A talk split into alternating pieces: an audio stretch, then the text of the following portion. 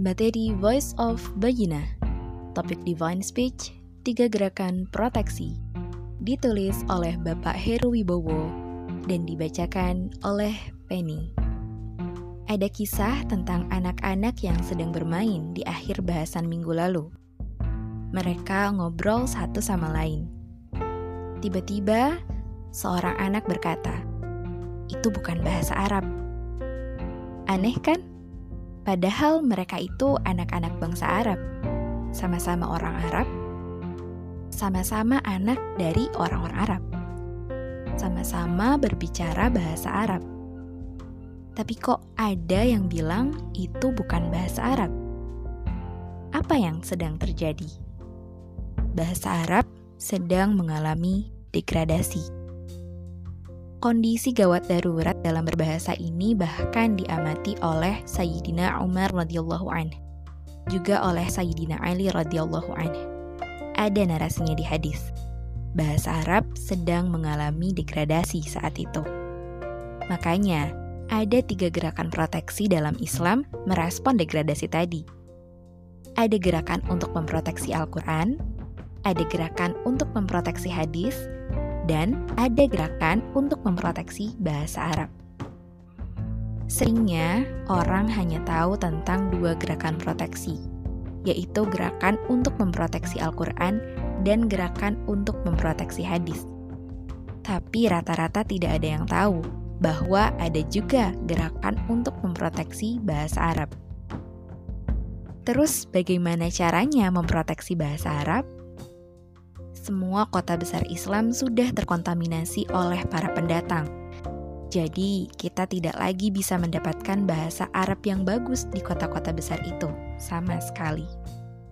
Untuk mendapatkan bahasa Arab yang bagus, bersih, murni, bebas dari kotoran, kita harus pergi ke desa-desa. Kita harus pergi ke gurun yang masih sepi dan mencari orang Arab Baduy yang masih berbicara bahasa Arab yang asli. Sehingga kita mungkin pernah mendengar cerita-cerita ulama zaman dulu seperti Imam Syafi'i rahimahullah atau Al-Asma'i rahimahullah dan yang lainnya. Mereka meninggalkan kota, keluar dari zona nyaman dan mereka pergi ke gurun. Ada yang gagal paham, ada yang berpikir bahwa ulama itu ke gurun untuk rekreasi karena bosan tinggal di rumah melulu. Padahal nggak gitu. Alasan ulama pergi ke desa adalah karena mereka sedang berupaya untuk menangkap dan mencatat bahasa aslinya. Bahasa asli Arab tentunya. Al-Asma'i adalah salah satu ulama yang menjadi favoritnya Ustadz Nu'man. Sampai-sampai Ustadz mengaku bahwa Salah satu motivasi beliau untuk mengejar surganya adalah supaya bisa berjumpa dengan Al-Asma'i di sana. Karena Al-Asma'i adalah salah satu ulama paling lucu yang pernah Ustadz dengar dan baca. Beliau itu kocak. Ada cerita menarik tentang Al-Asma'i.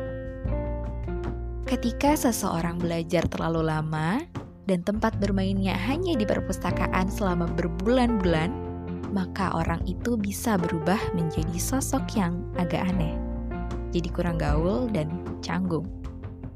Beliau rahimahullah tipenya seperti itu, canggung dan kurang gaul. Beliau tidak peduli kata-kata yang akan keluar dari mulutnya. Beliau akan mengatakannya begitu saja. Apa yang ada di pikiran beliau, beliau pun menuliskannya begitu saja. Saat itu, beliau sedang dalam perjalanan dan beliau juga terbiasa menulis jurnal. Maka beliau pun menulis jurnal untuk perjalanan itu. Termasuk saat beliau bertemu dengan seorang pria yang sangat jelek. Beliau menuliskannya begitu saja.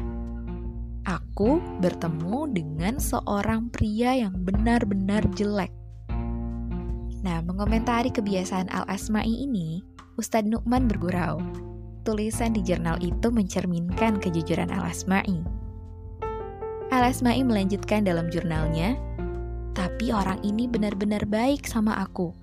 Tidak ada seorang pun di desa ini yang mengenalku, dan orang ini begitu perhatian sama aku. Mempersilahkan aku masuk ke rumahnya, bahkan menyuruh istrinya memasak untukku. Begitu masakan selesai dan disajikan oleh istrinya, beliau Al-Asma'i menulis, saya sempat melihat istrinya. Harus kuakui istrinya sangat cantik. Beliau menulis seperti itu di catatannya. Ulama yang normal, dalam tanda kutip, tidak akan menulis seperti itu. Itulah Al-Asma'i. Beliau rahimahullah menulis apa saja yang beliau rasakan dan pikirkan. Lalu Al-Asma'i meninggalkan ruangan itu. Beliau melangkah keluar. Tapi, beliau, Al-Asma'i rahimahullah, masih bisa mendengar suara dari arah dapur. Beliau mengatakan sesuatu kepada sang suami. Apa yang beliau katakan?